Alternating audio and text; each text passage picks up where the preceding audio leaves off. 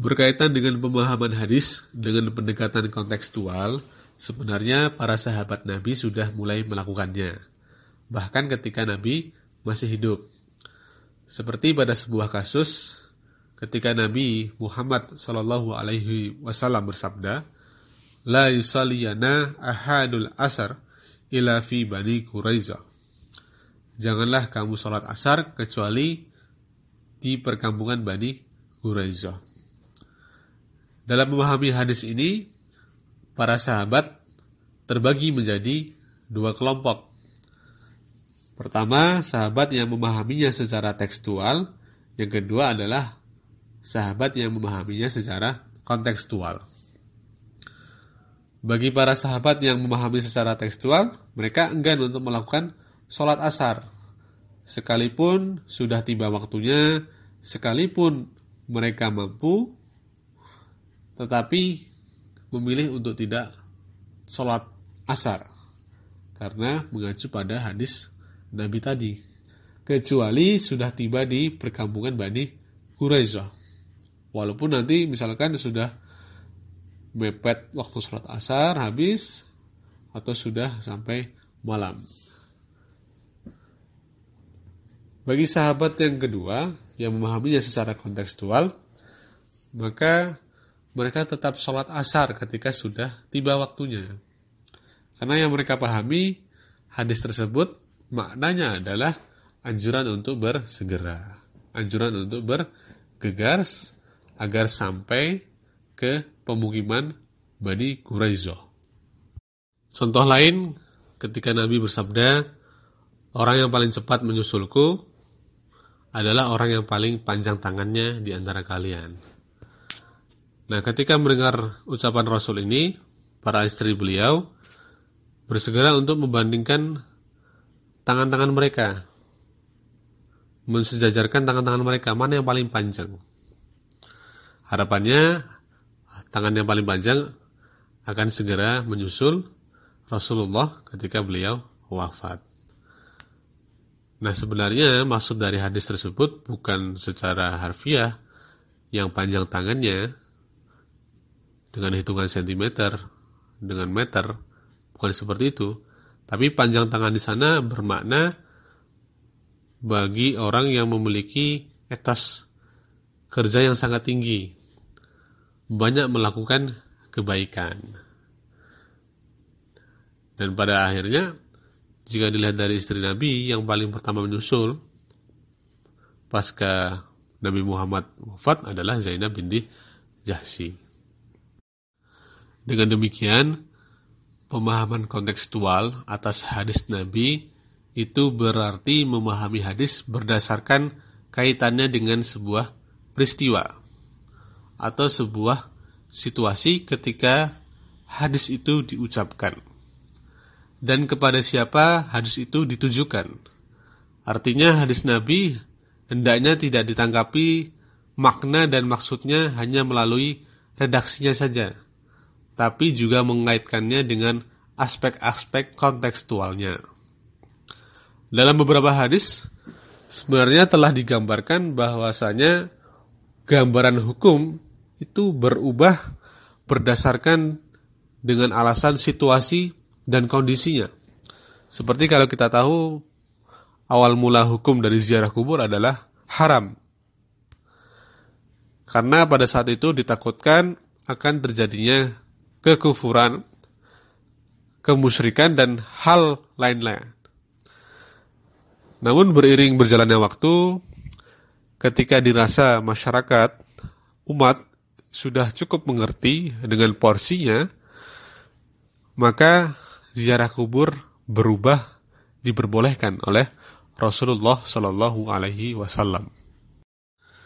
Untuk memahami hadis dengan tekstual, ataupun kontekstual, kita bisa memperhatikan dari matannya.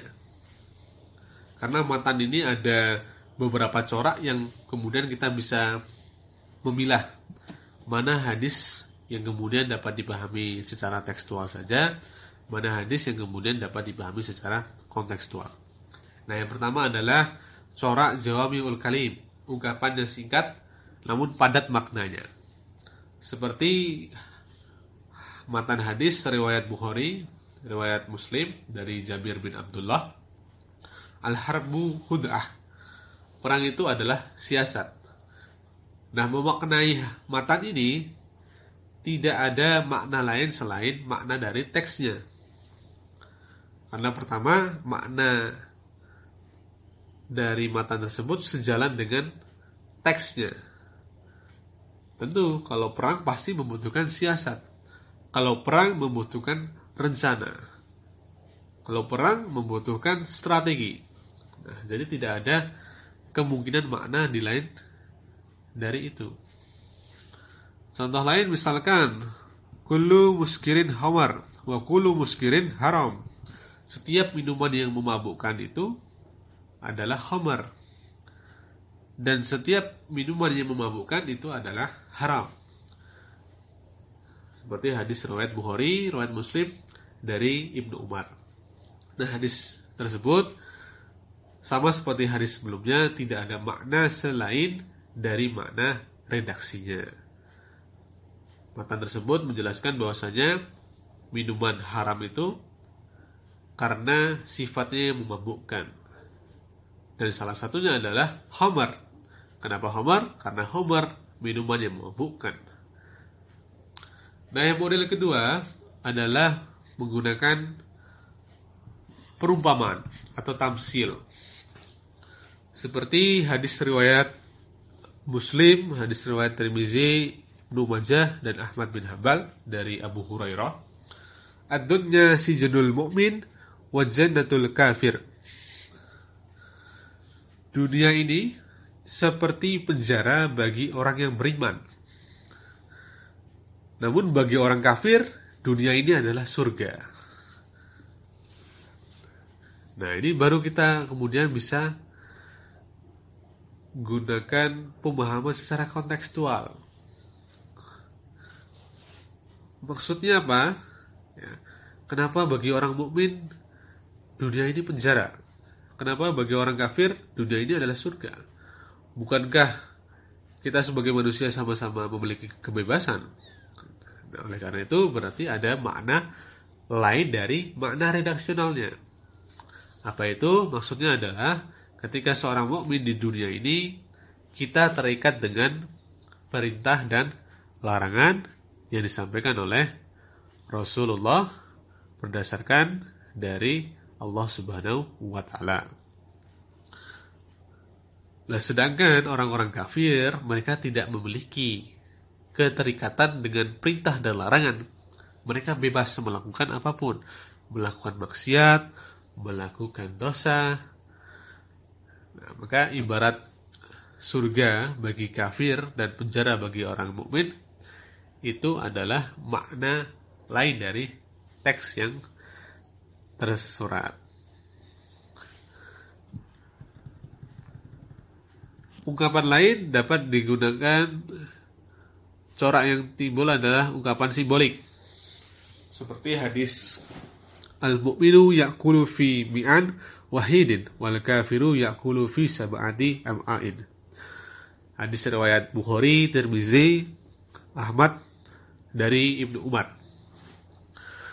Orang beriman itu makan dengan satu usus, sedang orang kafir itu makan dengan tujuh usus. Nah, ini tentu kalau kita pahami secara tekstual, nggak bisa. Mana mungkin usus orang beriman itu satu, usus orang kafir itu tujuh. Sedangkan anatomi tubuh itu tidak bergantung dengan keimanan seseorang. Coba kita bayangkan bagaimana kalau keimanan seseorang itu mempengaruhi anatomi, anatomi tubuh kita. Misalkan ada orang mu'alaf yang awalnya ususnya 7 ketika dia masuk Islam tinggal satu. Atau sebaliknya ketika orang muslim yang pertama ususnya satu kemudian ketika dia murtad ususnya jadi tujuh. Nah kan tidak mungkin. Oleh karena itu, maka memaknai hadis ini tidak bisa dengan tekstual saja, tetapi dengan kontekstual. Maksudnya dari hadis tersebut bahwasanya yakulu fi mi'an wahidin dengan satu usus satu perut. Maksudnya adalah orang mukmin itu makan itu hanya secukupnya. Tidak rakus. Hanya untuk memenuhi kebutuhan hidupnya. Nah sedangkan wal kafiru yakulu fi sab'ati am'ain orang kafir makan dengan tujuh dengan tujuh usus maksudnya adalah mereka makan tanpa aturan. Makan segalanya. Makan dengan rakus tanpa mementingkan orang lain.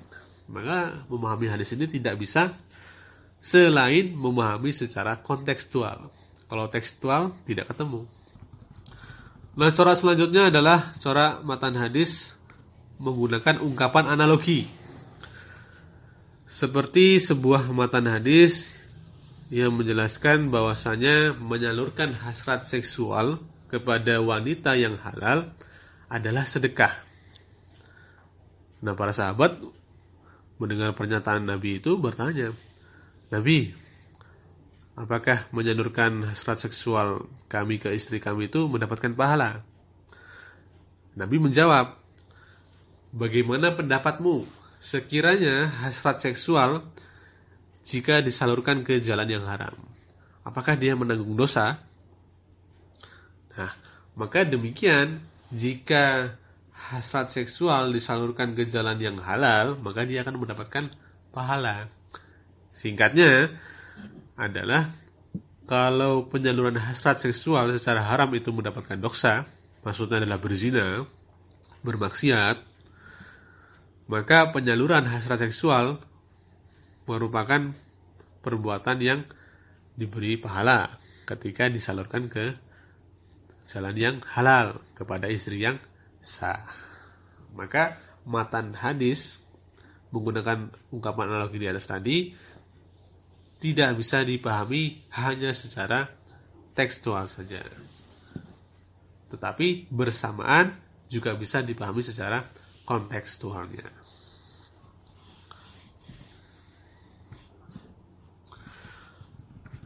Oleh karena itu, pemahaman dan penerapan hadis secara tekstual itu dilakukan bila hadis yang bersangkutan dihubungkan dengan segi-segi yang berkaitan dengannya. Misalkan latar belakang terjadinya sesuai dengan apa yang tertulis dalam teks hadis yang bersangkutan.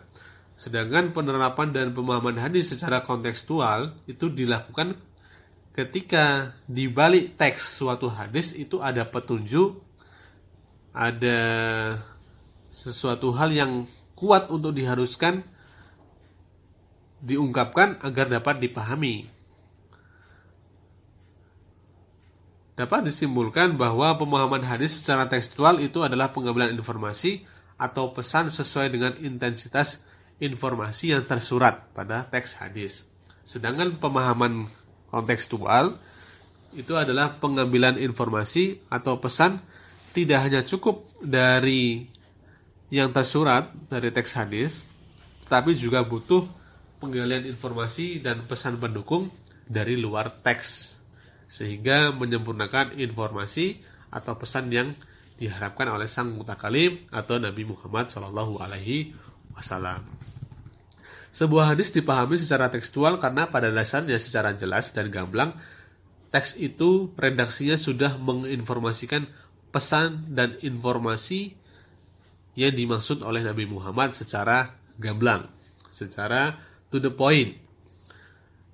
Dalam memahami hadis yang seperti ini tidak membutuhkan usaha keras, seperti penggalian informasi pendukung di luar teks hadis. Karena seluruh makna dan pesannya itu sudah tercermin di redaksinya. Di sisi lain, ada juga hadis-hadis yang menuntut untuk dipahami secara kontekstual. Karena hadis tersebut tidak bisa dipahami dan diamalkan dengan baik jika dipahami secara tekstual saja. Oleh karena itu, membutuhkan banyak informasi dan pendukung di luar redaksi hadis.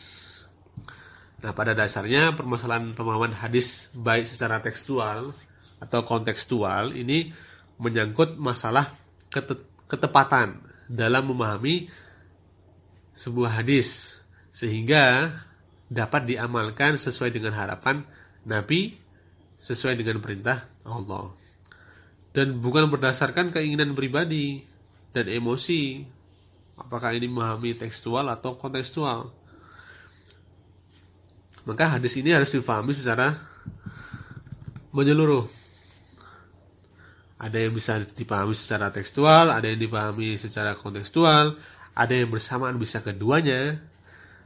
Maka yang kita perlu perhatikan adalah matan dengan asbabul wurudnya. Matan dengan susunan redaksionalnya.